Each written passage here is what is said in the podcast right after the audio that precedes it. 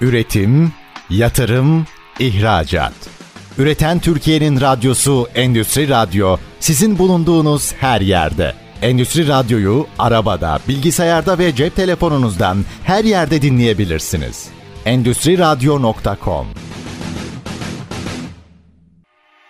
Yalçın Yaşar ve Handan Kaloğulları'nın hazırlayıp sundukları Spor Endüstrisi programı başlıyor.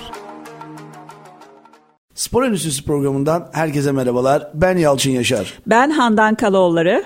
Her hafta size farklı bir konuyu burada spor endüstrisinin içerisinde neler oluyor anlatmaya çalışıyoruz. Handan'la beraber girişi şöyle yapalım istedik. Çünkü endüstri içerisindeki en önemli branşlardan bir tanesi futbol ve futbolun en önemli aktörlerinden bir tanesi Ronaldo. Ve Ronaldo kariyerine Suudi Arabistan'da El Nasır takımında devam ettirme kararı aldı. Bu kararın tabi hem bizim uzmanlık alanımız olan pazarlama politikası açısından bir değeri var hem de e, astronomik sözleşmesiyle beraber tüm spor camiasında bir ses getirdi. Söz Handan'da. Kesinlikle. Ben bile bunun hemen hızlı bir şekilde hikayesini yayınladım. Hatta şu anda da bunun için çok üzgün olan bir arkadaşım var. Böyle Fenerbahçe'ye transfer olur mu, gelir mi diye böyle hayalleri içerisinde e, idi kendisi. Biz de bayağı uzun bir sürede konuştuk. Gelseydi muhteşem olurdu. Fakat tabii ki... İsa'dan bahsediyorsun. Evet. İsa bizim e, yayın yönetmenimiz. İsa e, şu anda bu programda şunu istedi. Ya bu kadar Fenerbahçe'ye gelip gitmesiyle ilgili konu var. Sizde hiç dedikodu yok mu bu işlerle ilgili? Hiç e, haber yok mu bunlarla ilgili dedi. Biraz böyle Handan sanki Türkiye'ye gelir mi gelmez mi gibi bir ışık yakıyor gibiydi ama nasıl 500 milyon dolar parayı verince money money money. gerçekten hani böyle İsa'yı motive eden cümleleri Handan'dan duyunca İsa da acabaya düşmüştü. Ta ki e, adam uçakta e, ben geldim Arabistan'dayım diyene kadardı. Ve... E, şu anda 520 milyon dolarlık bir sözleşmeyle bilmiyorum yani İsa da bence Ronaldo'ya hak veriyor şu anda. Kesinlikle. ee, az önce yemek esnasında da konuştuk işte e, tabii ki o rakamların dışında aynı zamanda da işte iki tane araç istemesi bu iki aracın da kesinlikle zırhlı olması yani kurşun geçirmez bir vaziyette olması evi vesaire gibi durumları yan hakları yani küçük görünmeyen büyük yan hakları da konuşunca kesinlikle hak verdi. Markada bir haber okudum İspanya'da e, bu haber sözleşmenin gizli maddesi olarak söyleniyor. Arabistan fonunun aslında El Nasır ve Newcastle United e, takımlarının sahipleri olduğu ve gizli maddelerinden bir tanesinde şöyle bir şey yazdığı söyleniyor. Eğer ki Newcastle gelecek yıl Şampiyonlar Ligi'nde oynama hakkına sahip olursa El Nasır Newcastle United'a Cristiano Ronaldo'yu kiralayabilir ve Cristiano Ronaldo da orada oynamak zorundadır gibi bir e, madde olduğu söyleniyor. E, bu da e, keyifli. Çünkü Ronaldo'yu yeniden belki Şampiyonlar Ligi'nde izleme şansına dahi sahip olabiliriz. Olabilir. Hatta ben şöyle iddialı bir söz de söyleyeceğim. E, kiral oraya geçebilir. Bununla birlikte bence jübilesini de belki orada yapabilir diye düşünüyorum. Yani e, İngil İngiltere'de de bırakabilir tabii ki futbolu ama seninle yayın arasında konuştuğumuz o e, mikrofona da söylesek e, insanlar da bu konuyla ilgili aslında fikir beyan ederler dediğim yere istersen konuşalım. Şimdi Ronaldo e, bir tık Messi'den arkada kalan bir kariyere sahip oldu. Dünya Kupası'nı alamamasıyla beraber evet. e, o silsilede biraz geride kaldı. Şimdi e, sanki en çok gole ben ulaşayım ve adım tarih kitaplarında en çok gol atan futbolcu olarak bari yazsın. Hani en iyiler arasında en iyi olduğu yer gol sayısı olsun ve bunun da en ulaşılabilirliklerinden bir tanesi e, Suudi Arabistan olurdu diye düşünüyorum. E, böyle bir politika böyle bir danışmanlık almış olabilir mi acaba ya da böyle bir inancı olmuş olabilir mi? Keza bu tarafta tabi İslamiyet'e vermiş olduğu bir şey var, destek var, evet. Filistin olayları var vesaire. Acaba öyle bir e, yakınlık gösterip gitmiş olabilir mi? E, işin içerisinde farklı soru işaretlerim var. Yani burada para çok büyük bir etken gibi görünse de farklı e, kriterlerde olabilir. Ki Recep Tayyip Erdoğan da Sayın Cumhurbaşkanı da Dünya Kupası'nda Ronaldo'yu harcadılar. Evet. E, Filistin olaylarını örnek göstererek bu evet. cümleleri söyledi. E, böyle de Türkiye'de ve dünyada e, siyaset futbola karışmış mıdır gibi de aslında cümlelerimiz çıkıyor. Ya açıkça söyleyeyim yani Türkiye'de de olduğu gibi dünyada da siyaset futbolun içerisinde çok net bir şekilde belirli bir süre sonra zaten eğer kişi hem mesleki e, tatmin anlamında yani sportif başarısı, performans değerlendirmesi, işte o ailevi yapılara ulaşması, e, ekonomik olarak belirli bir noktaya ulaşması gibi bir takım etkenler var. Bunları netleştirdikten yani tamamladıktan sonra zaten para arka planda geliyor zaten. O sportif başarısını da elde ettikten sonra artık iş tamamen vicdani duygular.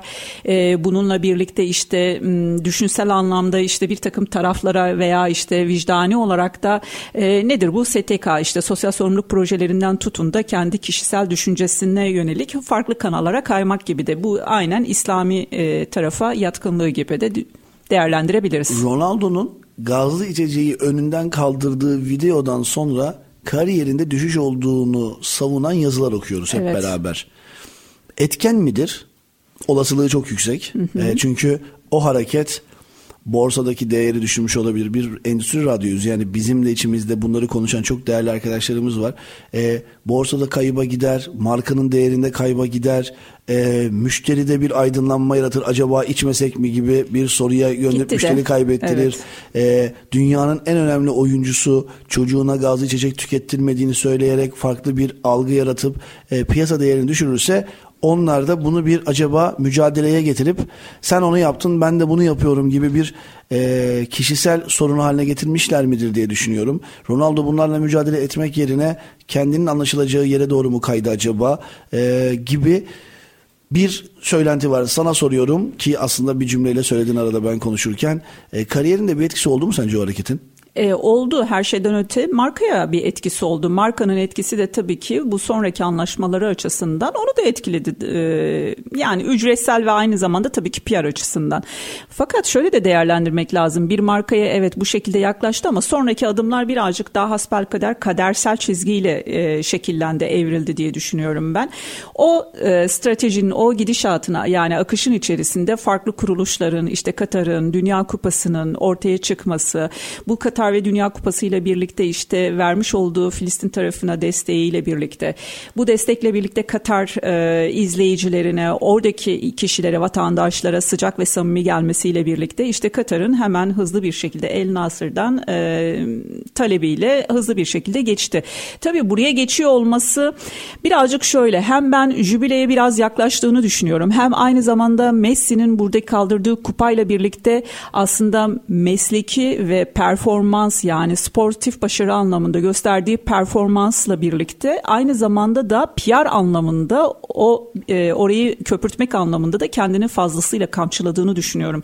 Bu Messi'nin kupayı almış olması her ne kadar kendi içlerinde birbirleriyle birbirlerini aslında böyle gıpta ettikleri, onurla baktıkları, böyle birbirlerinin sırtlarını sıvazladığı iki kişi olsa dahi. Şansları aslında e, aynı dünyada ay, dünyada aynı anda var olmuş olmaları ve evet. aynı anda bize bu sehri yaşatmış olmaları e, kendi adlarına bir rekabetçi ortamda şansları gibi görünürken aynı zamanda şanssızlıkları da bence bu. Yani aralarında 5 yıl fark olsaydı e, Ronaldo Messi mi de hiç sormayacaktık yani. İşte Messi oynayıp geçecekti. Ronaldo arkasından gelecekti. Yaşa bağlı olarak hangisi daha gençse. Ama şimdi mecburen bir rekabet var ve bu haber sanki Dünya Kupası'ndaki gündem olan Arjantin'in Dünya Kupası haberlerini bile yok etti gibi. Yani bir anda e, Arjantin'in Dünya Kupası kazanmasını konuşmuyor olduk. Bir anda Messi'yi konuşmuyor olduk. Bir anda astronomik bir sözleşmeyle e, kariyerini Suudi Arabistan'da devam ettirmeye karar alan Ronaldo'yu konuşuyor olduk. İşte hani bomba etkisi camiada sektördeki bomba etkisi bu. E, Messi bile neredeyse hani el kaldırıp ya ben de hani Dünya Kupası kazandım beni de haber yapın diyecek hale geldi. Öyle bir etkiyle şu anda gidiyor. Ya kesinlikle şimdi e, Ronaldo zaten ilk başta o kupayı alamayacağı o maçları e, kaybettiği dönemlerde işte gözyaşlarına hakim olamayışıyla başladı bu e, PR köpürtmesi öyle diyelim e, PR alanı.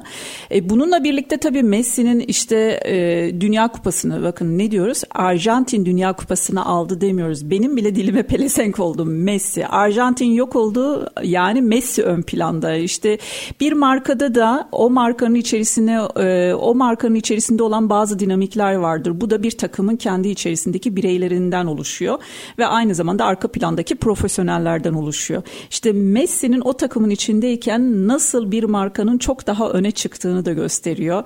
Ee, öne çıkmalı mı çıkmamalı mı? Ee, eş değerde mi olmalı olmamalı mı? Soru işaretlerini de size bırakıyorum cevaplarını bulmak konusunda. Tamer Oyguç'a sormuştum. Ee, o zaman ki e, basketbol takımıyla Koraç Kupası'nı Türkiye'ye getiren, ilk Avrupa Kupası'nı getiren, bugünkü adıyla e, Anadolu Efes Spor Kulübü olan kulüple e, Koraç Kupası'nı 98'de almışlardı ve demiştim ki abi hani çok önemli bir olaydı. Yani bu önem sana bir para kazandırdı mı diye sorduğumda dedi ki benim zamanımda takım önemliydi. Evet. Şimdi birey önemli hale gelmeye başladı. Yani bireysel markalaşma kavramını belki son yıllarda duymaya başladık 2015'lerden sonra. O yüzden bizim zamanımızda bir sponsor geldiği zaman kulübe sponsor olurdu. Bize de belki haçlık düşerdi. Şimdi böyle değil ki dedi. Çok enteresan bir şekilde şu an sen de aslında onun söylediğini daha akademik dilde söyledin. Yani hani e, bireysel olarak e, markalar çok fazla öne çıkmaya başladı. Yani Arjantin'in ülke değerinden daha çok Messi'nin kazanmış olmasıyla ilgileniyoruz. Yani Fransa'nın önüne Mbappe geçti gibi evet, düşünebiliriz. Evet. Portekiz değil Ronaldo kazanacaktı. Ronaldo, evet. Hani gibi böyle bir e, durum vardı yani. Eğer ki biz kazansaydık 2002 yılında acaba bizde kim derdik? Hani Türkiye kazanmadı Hasan Şaş mı kazandı? hani öyle bir önde kimimiz vardı dünya çapında düşünüyorum da yani e, herhalde Ümit Davala saç tıraşıyla falan ön planda olabilirdi. E, bizde de böyle bir e, isim maalesef yoktu. Ama e, İlhan Mansız var mıydı o dönemlerde? Tabii İlhan Mansız. İlhan Mansız o e, dönemden sonra hatta Japonya'ya transfer evet, olup e, Japonya transferinden sonra da hani e, gerçekten çok havalı bir giriş yapmıştı Girişte, evet. Asya futboluna. Hepimiz adına da e, o dönemler enteresandır. Aslında bak çok güzel bir şey hatırlattın endüstri adına gene konuşabileceğimiz. Asya futbolu 2002'lerden sonra işte Çin'in, Japonya'nın, Kore'nin e, futbola yaptığı yatırımlarla e, aslında biz e, orada bir pazarı oluşturduk ki bunların arasındaki ilk oyunculardan birisi de e, İlhan Mansız'dı. Ondan sonra oraya bizden e, Burak Yılmaz'la gitti. E, Beşiktaş'ta oynayan Taliska da gitti. Avrupa futbolunda yer etmiş birçok e, İngiltere Premier Ligi'nden Fransa'dan oyuncu gitti. E, Asya'da da mesela 2002 Dünya Kupası'ndan sonra önemli bir futbol endüstrisi ortaya çıkmaya başlamıştı. O yüzden bahsettiğin İlhan Mansız e, sadece Türkiye için değil o gün e, e, Asya futbolu için e, yurt dışından sporcu getirme konusunda önemli bir e, yatırım argümanıydı ki Senegal attığı golle de çok popülerleşmişti o yılda. E, haliyle doğru bir transferdi. E, hatırlattığın için teşekkür ederim ama bizim 2002'de e, öyle öne çıkan bir yıldızımız, ülke çapında bile bir yıldızımız yoktu. Hepsi bizim için çok değerliydi galiba. Biz biri kazanması için çok böyle can atmazdık herhalde. Yani ya da o da futbolu bırakıyor. Gitmeden bir şeyi kazansın dediğimiz birisi yoktu. E, ama bugün bireysel markalar takım markalarının daha önündeler. Kesinlikle bu sadece hani e, futbol spor sektöründe filan değil bu kuruluşlarda da öyle. Mesela benim geçmişte danışmanlık vermiş olduğum kuruluşlardan bir tanesi hani ismini vermekte sakınca duymuyorum. E, kamusal bir alan olduğu için kamu sektöründe hizmet verdiği için PTT işte. PTT'de özellikle bankacılık tarafında müşteri deneyimi yönetimi anlamında bir e, danışmanlık hizmeti veriyordum yaklaşık olarak 13 aylık. E, dolayısıyla futbol tarafında da e, aktif olduğum için işte attığım postlar ve yazdığım e, yazılar bunların yayınlanması veya işte konferanslardaki üniversitelerdeki konferanslardan görüntüleri paylaşıyor olmam gibi veya TV'de konuk olduğum programların öne çıkartmak gibi bir takım şeyleri paylaşıyordum kendi sayfalarımda kendi mecralarımda. Bununla ilgili mesela iki kere farklı zamanlarda o 13 ay içerisinde ki yani hani uzman seviyesinde de değildim biraz üstteydim İki kez yani kurumsal bir dille e, kulağım çekildi açıkçası uyarı aldım. Hani çok öne çıkma biraz arka planda kalmak veya arka planda değil de hani kurumu önüne çıkmamakla ilgili böyle e, kurumların e, kesinlikle kaygıları endişeleri olabiliyor. İşte burada marka değeri markayla bütünleşmek veya o kurumla bütünleşmek denilen şey ortaya çıkıyor.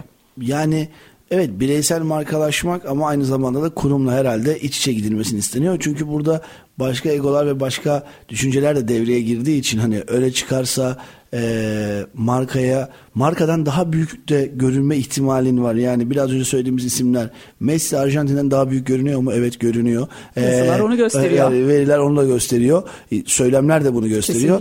E, Türkiye'deki şirketlerde biri şirketten daha üstün görünürse bu sanki bir sorunmuş gibi algılanan bir düşünceyle sana bunu yapmış olabilirler diyorum ve kısa bir araya gidiyorum. Aklında kalan içinde kalsın şimdilik. Çünkü birazdan aradan sonra konuşmaya devam edeceğiz. Şimdi kısa bir ara. Üretim, yatırım, ihracat.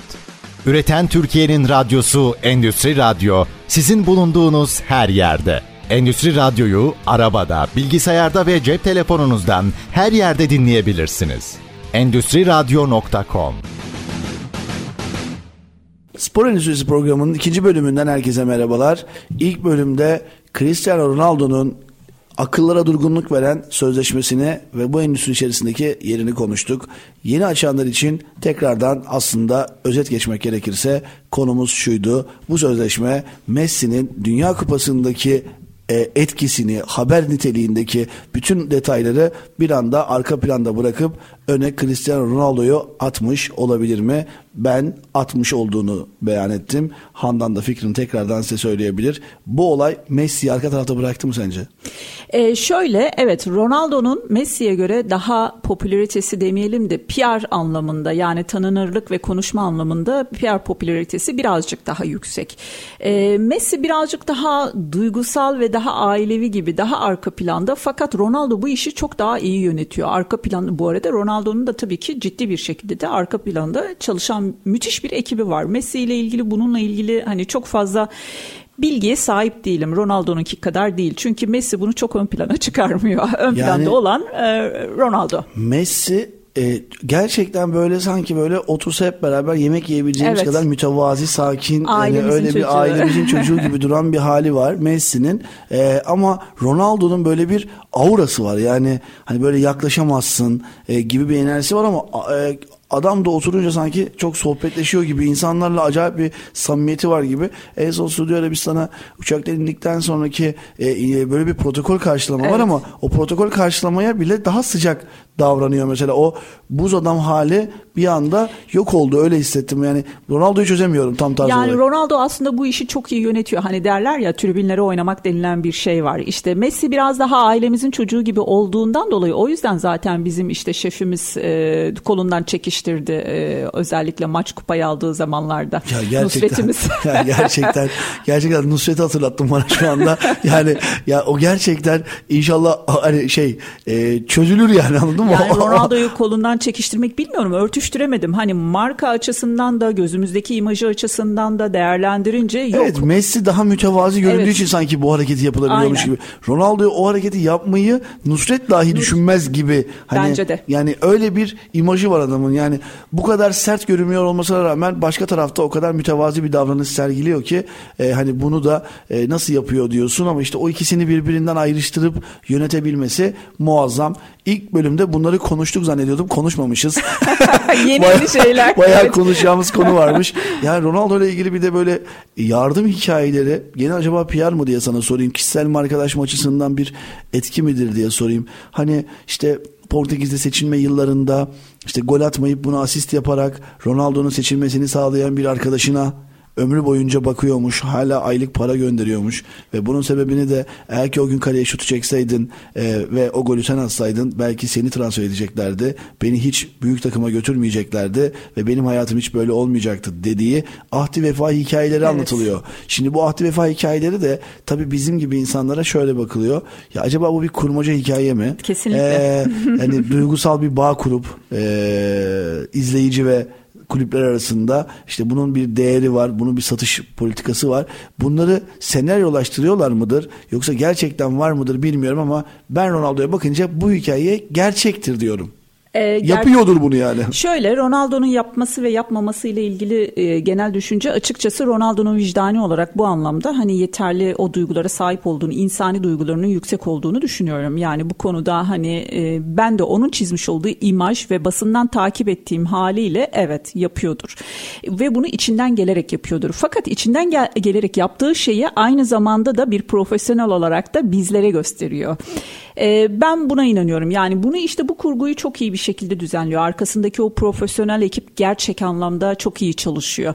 E, şimdi çünkü şöyle Messi kupayı aldı. Arjantin aldı daha doğrusu. Aldı kaldırdı fakat e, kim kazandı? Ronaldo konuşuluyor. Ronaldo kazandı gibi. El Nasır'a geçmesi, işte arkasından bu vicdani duygular, e, duygusal e, anılar vesairenin ortaya çıkması, e, Messi'nin kazandığı kazançlar, işte bu e, transferden alacağı paralar. E, ama hiç şeyi konuşmuyoruz. El Nasır peki bundan, e, bu transferden ne kadar para kazanacak? Neler işte, satacak? İşte burada önemli bir detayı o zaman hemen söyleyeyim. Gene arşivlerde, e, haberlerde, diğer ülkelerdeki konulara baktım. Bu bir devlet politikası transferi. Kesinlikle. Yani bu bir e, fon şirketi transferi ve devlet de buna ikna edilmiş. Yani hükümet yetkilileri de Cristiano Ronaldo'nun ülkelerinde futbol oynarsa e, onlar şöyle bir açıklama yapıyorlar. Tam böyle çeviri haline gelmesi değil de da duygu da katarak söylemeye çalışayım.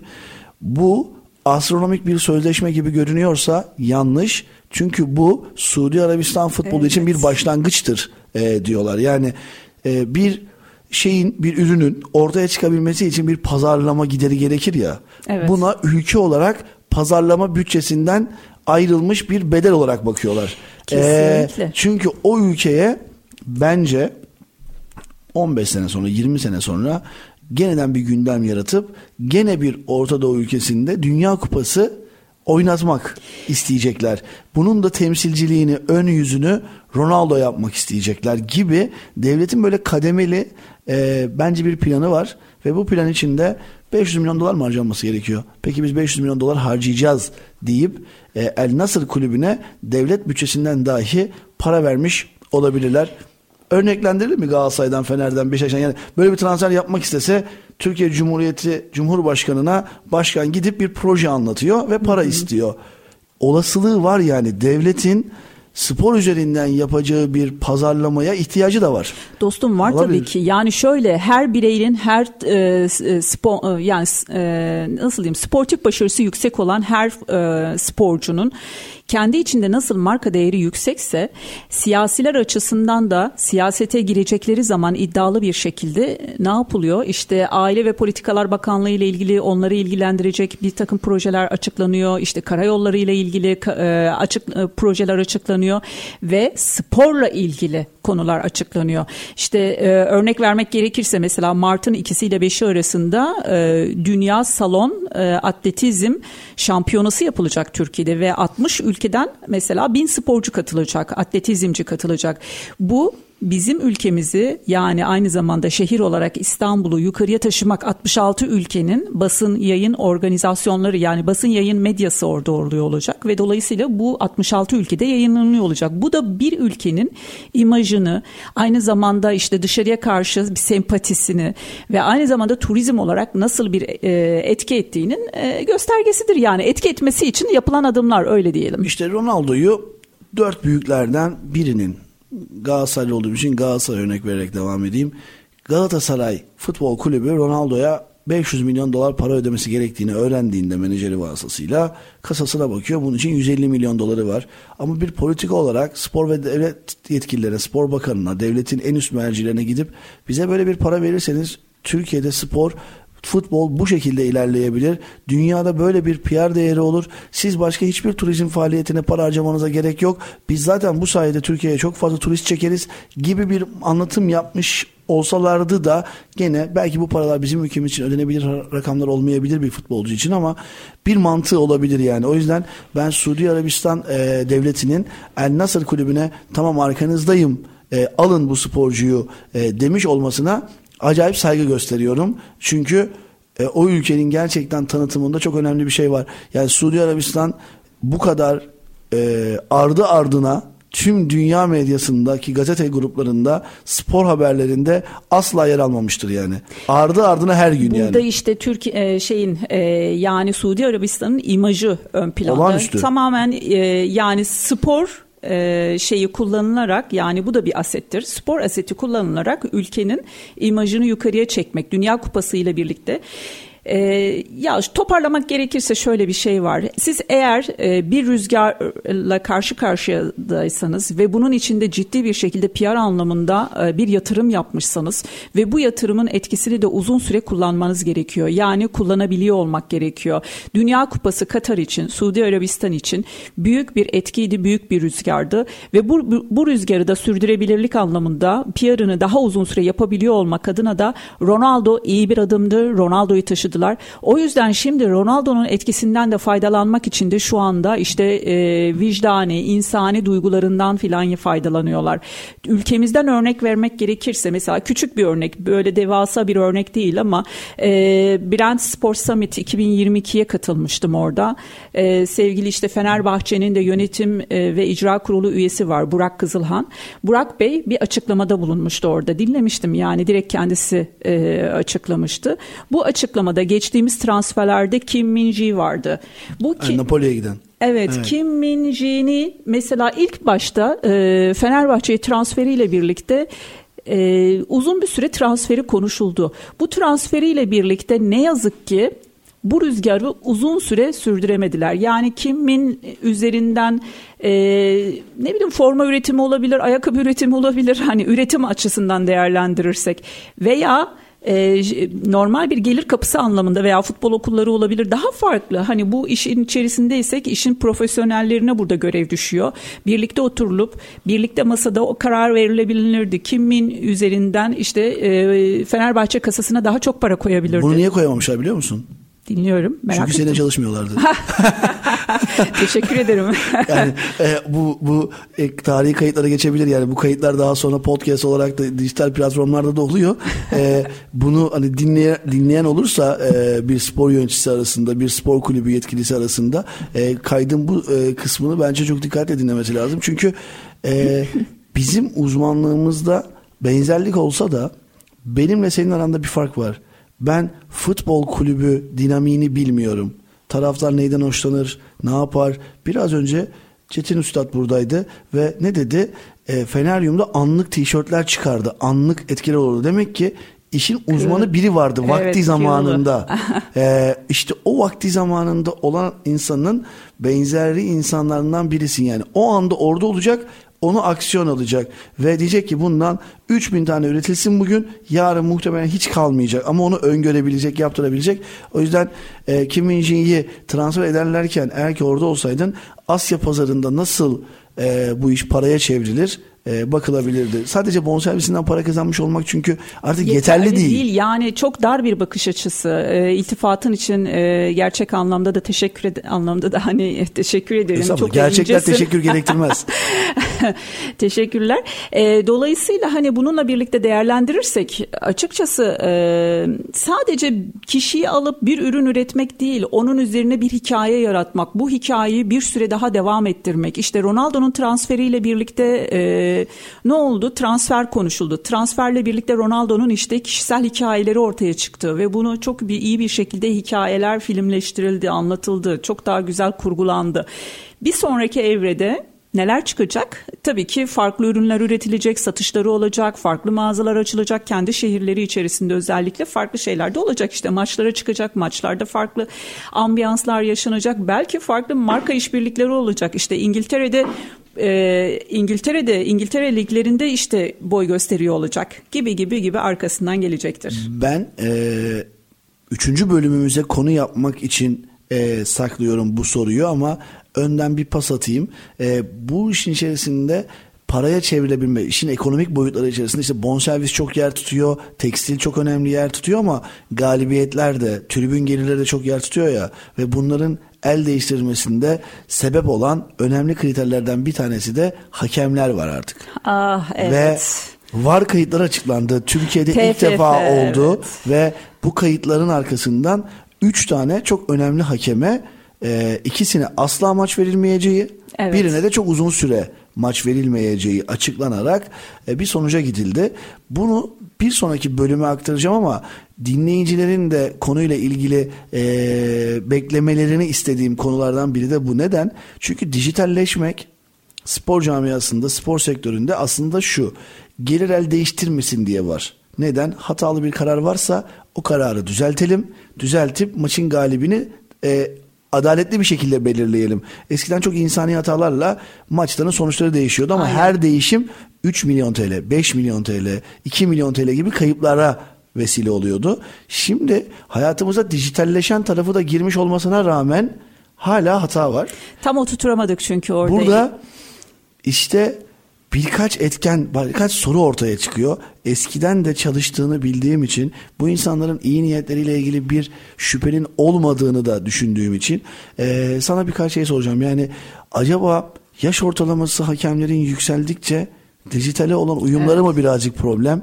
Eee, böyle bir uyum problemi mi var acaba diye de soracağım. Şimdi kısa bir araya gidiyorum. Üçüncü bölümde yeniden burada olacağız. Üretim, yatırım, ihracat. Üreten Türkiye'nin radyosu Endüstri Radyo sizin bulunduğunuz her yerde. Endüstri Radyo'yu arabada, bilgisayarda ve cep telefonunuzdan her yerde dinleyebilirsiniz. Endüstri Radyo.com Spor Endüstrisi programının 3. bölümünden herkese merhabalar. Endüstride yer alan önemli e, konu başlıklarından bir tanesi de futbolun içerisindeki hakemler. Hakemlerle beraber aslında hatalar düşürülsün diye dijitale çok ciddi anlamda yatırım yapılıyor. Önce sporun dijitalleşmesi üzerine birazcık Handan'la sohbet edelim isterim. Sonra belki e, hakemler üzerine konuşuruz. Dijital sporcunun performanslarını artıran önemli bir kriter oldu. Mesela tekstilin teknolojiyle birleşmesi, dijitalle sağlıklarının takip edilebilmesi sporcunun performanslarını artırdı. Hatta e, seyir sevgini de çok daha yukarıya getirdi. Yayınlardaki dijital kayıtlarla beraber e, daha fazla insan izleyici sayısına ulaşmaya başladık. Öncelikle şunu sormak isterim. Sporun dijitalleşmesi ki e-spor bunların aralarındaki en önemlilerden bir tanesi. E, dijitalleşmesi sporu daha keyifli hale getirmedi mi ya da sporcuları daha başarılı hale getirmedi mi? Önce buradan istersen başlayalım ki hemen de kendi konu başlığıma da eş- e- ekleme yapayım. E, Dijimi gibi bir Evet. organizasyonla da e, sporun e, postural anlamdaki çözümlerinde üretmeye çalışan bir şeyle sporcular ve spor yapan insanlar dijitalden faydalanıyorlar.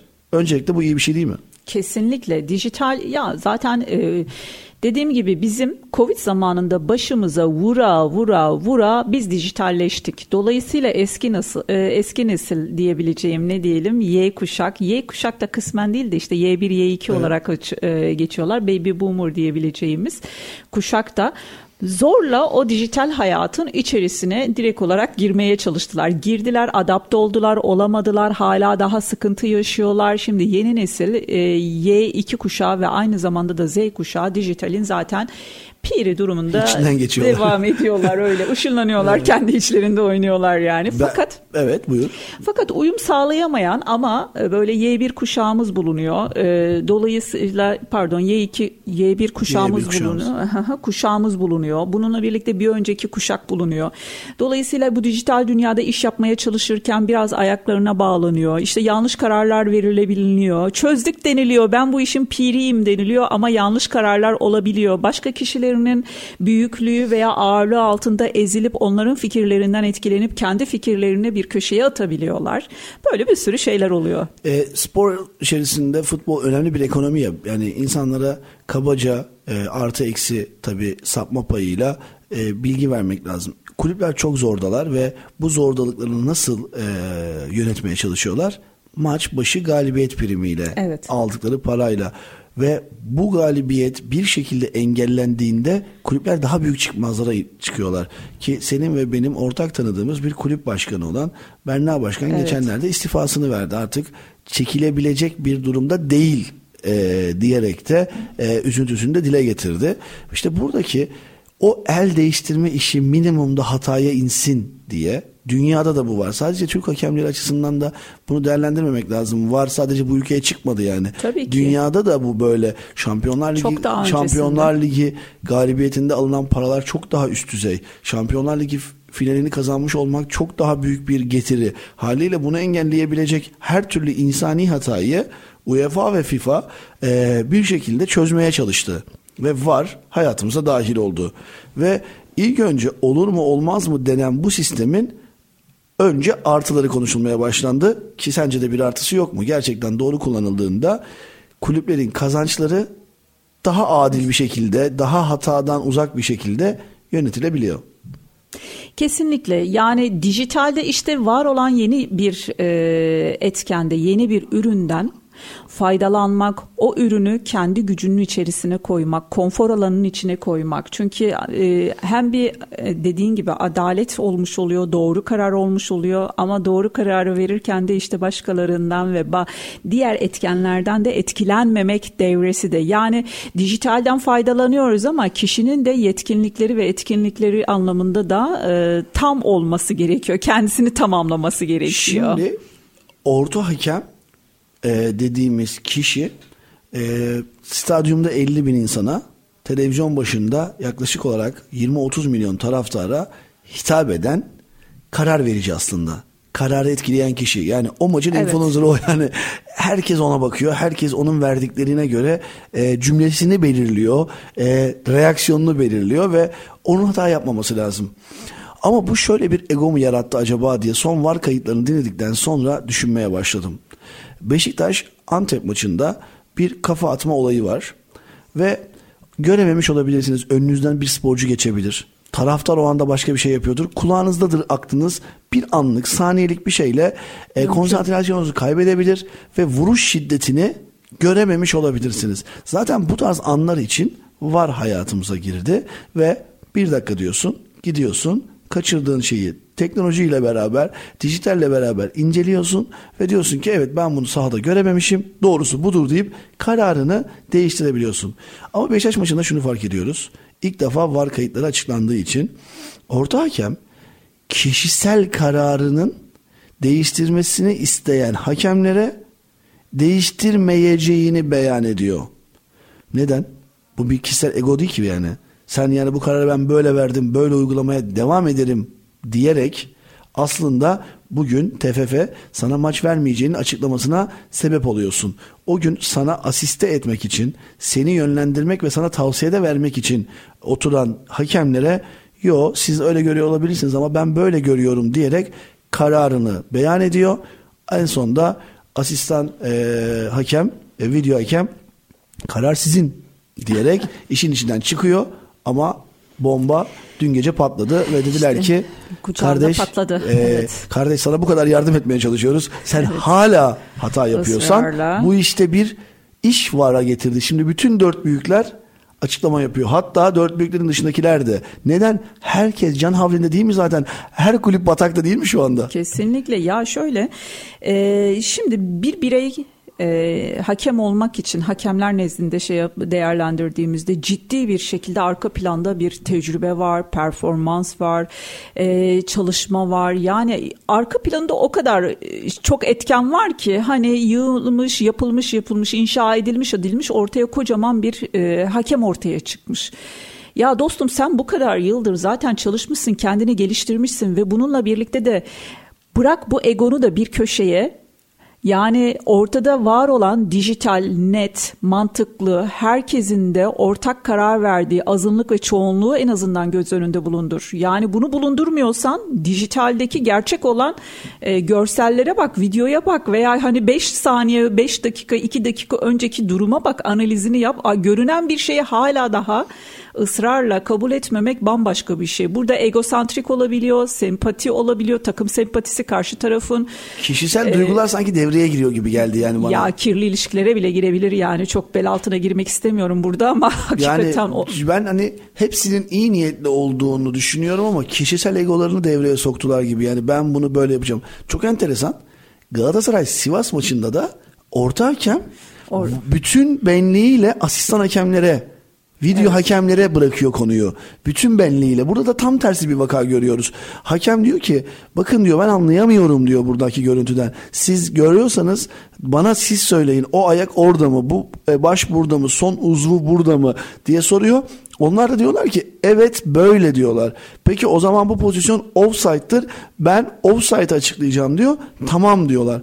Ama bu sefer de yönlendiren hakemlerin yanlış yaptığını görüyoruz. Evet. Yani Şimdi bu tarafta sahadaki hakemin kişisel egosunu devreye soktuğunu hissettiğimiz bir konuşmada diğerinde tümüyle kendini teknolojiye bırakmış bir hakem hataya yönlendiriliyor. Ee, şimdi bu sefer diyorsun ki o zaman video hakemler de hatayla iş yönetiyorlar. Yani orada olma sebepleri hatayı yok etmekken aleni hata yaptıklarını görebiliyoruz. Ee, insani duygular ve tırnak içindeki kirlilikler bunlar açıklanmaya devam ettiği sürece çok ciddi anlamda can yakarlar. E, can yakılacak e, yansın da en azından birazcık e, hem insanlar kendi kendine dönüp ve kendini eleştirmeye başlayacaklar. Nerede e, güçlü ve zayıf noktalarının olduğunu ortaya çıkaracaklar. Tıpkı işte pazarlamada bilinen şey gibi SWOT analizi gibi. Dolayısıyla o taraflarını özellikle birazcık daha öne, ön plana geliştirecekler yani öyle diyeyim kısacası. E, ne yazık ki yani Sivas Galatasaray maçında e, Özgüç Türkalp'in tamamen hakemlikten artık koparılması yani yok olması ya ciddi bir şekilde bir yatırım yaptı. Adam yıllarca bunun için çalıştı.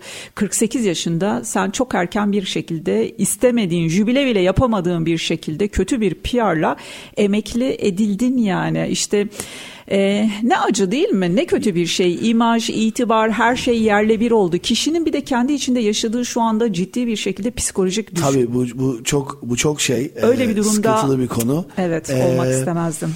Kulakları çınlasın sevgili dayımın. Benim dayım FIFA kokartlı bir yan hakemiydi. Ee, birkaç olayını söylersem bu birkaç olay e, Türkiye futbolundaki e, hatalar açısından e, dinleyicilerin hatırlayacağı şeyler. Mesela bunlardan bir tanesi bir Çaykur Rize e, Sivas e, Çaykur Rize Fenerbahçe maçında çift sarı kart gösterip kırmızı kart göstermedikleri bir maç var mesela. Veya e, Tanrı'nın eline çok benzeyen bir Anelka golü var e, Fenerbahçe'nin attığı. Bunların e, hakem hatalarını yapan hakem. Hani savunduğum kişi dayım. Ama o anların kararlarında böyle bir destek yoktu. Mesela o gün demişti ki biz sarı kart çıkarttık futbolcuya ve yağmur sebebiyle kalem akmış. Hmm. 18 numara 8 olmuş. Biz ikinci sarıyı 18'e çıkarttığımızı düşünüp kartta bir üstte 8'i görüyoruz. Ee, evet Vahim. bu bak bu bu insani ve doğa şartlarının evet. ama şimdi mesela sana ne yapıyor Anlayışla karşılanabilir. Diyor ki evet. şimdi sen diyor bunu diyor asistan hakem seni yönlendirecek böyle bir hata yapamazsın zaten diyor. Veya Anelka vurdu geçti. Yani anlık bir olay. Tanrı'nın eliyle Dünya Kupası yer değiştirdi. Hani e, e, evet Kesinlikle. doğru e, bu oldu yani haliyle bu olabiliyordu. Şimdi Ronaldo şey Maradona gol atabilir mi? Atamaz. Atamaz. Tanrı'nın eli hikayesi bugün yazılamaz yani. İşte böyle bir destek varken hakemlerin bunu kullanmıyor olması biraz bana neyin peşindesin? Hani neden bu hatayı yaptın gibi bir soru çıkartıyor. Umarım TFF bunu çözecek. Zaten Ali Koç da çıkıp şunu söyledi. TFF'ye şeffaflığı ve açıklama özgüveni yüzünden teşekkür ediyoruz dedi. Çünkü bunu saklasaydı TFF de işin içerisindeymiş gibi bir imaj çıkacaktı. E, TFF bence dikine gitti yani ve e, çok cesaret, yapması gerekeni yaptı. Kesinlikle cesaret verici bir yaklaşımdı açıkçası. Çünkü burada hakemler kurulu denilen bir sistem var ve bir alan var ve burası da kendi e, ne diyelim İçinde kolları altısında tabii. Dolayısıyla bunu kendi içindeki birini özellikle veya birkaç kişiyi ortaya çıkarmak bu çok iyi oldu. Diğer hakemlerin de en azından bakış açısını değerlendirmesini veya kendilerini nasıl geliştirmesi gerektiğini gerçekten dijital ortama, dijital olan şeye şeye mi inanmak gerekiyor, var olan şeyi mi izlemek gerekiyor yoksa hala daha kendi inisiyatifimi mi kullanmalıyım yoksa birazcık daha vicdani veya sempati duyduğum tarafı mı kullanmalıyım gibi bir takım şeyleri ortaya Hakemler çıkarıyor. arasında da bir sıkıntı şöyle çıkartacak. İki vakada da e, görüyoruz ki hatalar yapan bir orta hakem bir var hakemi var. E, şimdi orta hakem vara giderken eğer ki Galatasaray maçındaki konuyu dikkate alırsa nasıl güveneceğim ki diyecektir yani. E, böyle bir e, sorun da ortaya çıkacak. Veya orta hakem var hakeme güvenmezsem ben hata yapmış olacağım. Acaba onların söylediğini mi yapmalıyım? O sefer hatalı onlar olurlar gibi birbirlerine top atma evet. e, konusunu ortaya çıkartır mı? Aralarında bir sorun çıkartır mı bilmiyorum. Ama e, bence TFF şunu söyledi yani. Vallahi hata yaparsanız açıklar sizi ortaya bırakırım. Kapının hani, önündesiniz. Koyarım yani hani bilginiz olsun dedi. Cesurcaydı. Kesinlikle. Yapması gerekendi. E, ve üzerindeki o kirli sohbeti de bir temizlemiş oldu. Ya ben bu işin hiçbirinde yokum. Ben hakem atadım. Hakem şahsi bireysel kararıyla bunu yaptı dedi. Umarız da öyledir. E, ve bu hatalar tekrarlanmaz. Çünkü biz burada endüstriyi konuşuyoruz. Endüstride parasını alamayan malzemeciden bahsediyoruz yeri geldiğinde. E, parasal sebeplerden dolayı işin içerisinden çekilen başkandan da bahsediyoruz. 3 milyon TL de olsa bu para ki bir Süper Lig takımının için çok düşük bir gelir haftalık olarak. Çünkü öyle yabancı futbolcular var ki haftalık maç başı ödemelerini yapamayabilir bu para yani. Ee, bu takımların aldığı bu paralar bir de gelmeyince daha da acayip bir hale gidiyor. Türk futbol adına VAR'ın önemli bir detay olduğunu düşünüyorum. Umarım bunlar münferit olarak e, yapılmış hatalar olarak kalırlar ve devamı gelmezler diyorum.